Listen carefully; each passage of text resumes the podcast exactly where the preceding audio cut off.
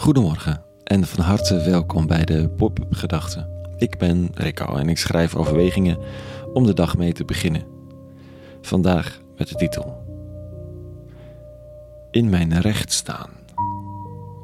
Pop-up Gedachten dinsdag 6 september 2022.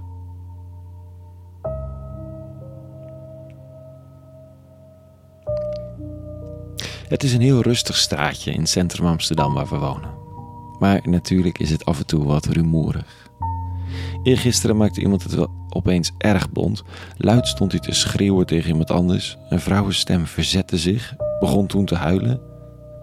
En voor ik het wist stond ik naast mijn bed uit het open raam te schreeuwen, want ik had mijn lenzen dan weliswaar niet in, maar onmiskenbaar was hier een man een vrouw aan het mishandelen. Ik schreeuwde dat hij op moest houden. Hij verweerde zich nog door in het Engels terug te schreeuwen dat het zijn vriendin was. Woedend riep ik dat ik de politie ging bellen als hij hen nu niet meer ophield. Al ruziemakend liep het stel verder. Er werd niet meer geslagen. Het duurde weer even voor ik de slaap kon vatten. Gerechtvaardigde woede was het. Tenminste, zo voelde het. De situatie kon ik niet overzien. Letterlijk en figuurlijk. Maar dat er hier iets grondig mis was en iemand bescherming nodig had, dat was duidelijk. Het zit me dan dwars dat je niet meer kunt doen. Hoe zou dit verder gaan achter gesloten deuren? Maar ik kon, niets, kon daar niets meer mee.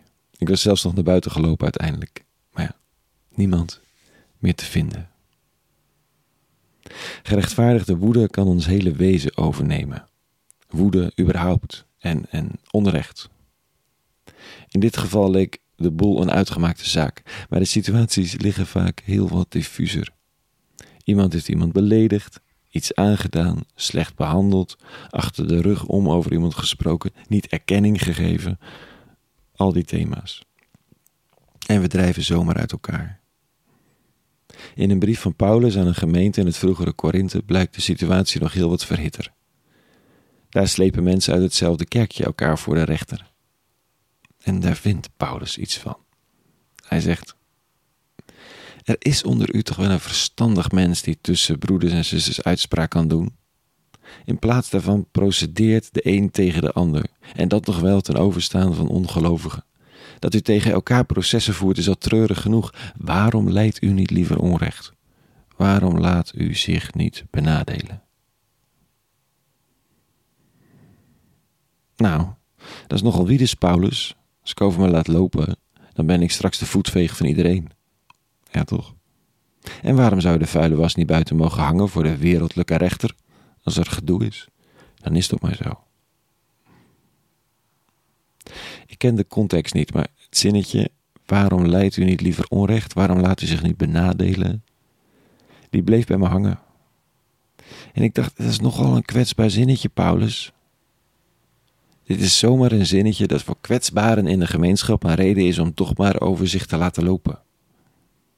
Het is toch zomaar zo dat degenen die zich eigenlijk eens in zouden moeten houden voordat ze opkomen voor hun eigen recht over zo'n zinnetje heen stappen, terwijl degenen die zich al laten benadelen door zo'n zinnetje mogelijk nog subassertiever worden.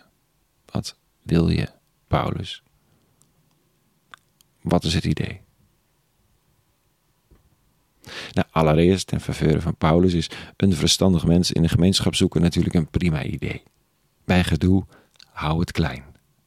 Anders zit straks iedereen en plein publiek in de loopgraven en kun je vanwege je eigen eer al geen bakzeil, bakzeil meer halen, want ja, iedereen kijkt mee. Dat is één. Maar die andere, waarom leidt u niet liever onrecht? Waarom laat u zich niet benadelen? Het is nogal een makkelijk te misbruiken zinnetje, maar als je kijkt naar de weg van de man van Nazareth, van Jezus zelf, dan is dat inderdaad waar hij voor kiest. Zo vaak. Hij neemt enerzijds geen blad voor de mond tegenover bijvoorbeeld de religieuze leiders, maar als zij hem vervolgens willen grijpen, dan kiest hij ervoor om zich eerst een poosje buiten de gevarenzone te houden, in de marge, ver van Jeruzalem, en zich vervolgens over te geven. Het zij zo. En er volgt een kruisiging. Als de in mijn ogen gerechtvaardigde woede gaat over hoe ik zelf behandeld word, kan ik dan een zachte plek vinden in mezelf? Niet om onrecht te laten bestaan, maar wel dit: dat eerherstel niet per se nodig is. Dat ik niet ten opzichte van anderen mijn gelijk meer hoef te halen. Recht is recht, maar dat ik mij ten diepste veilig weet. Bij een God die het wel weet, die rust. Ik denk dat Paulus zijn mensen daar wil brengen. En dat is niet eenvoudig. Toen niet. En nu ook zeker niet. Het zou wel een beetje helpen.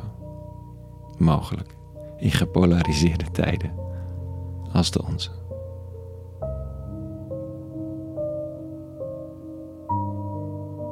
Tot zover vanochtend.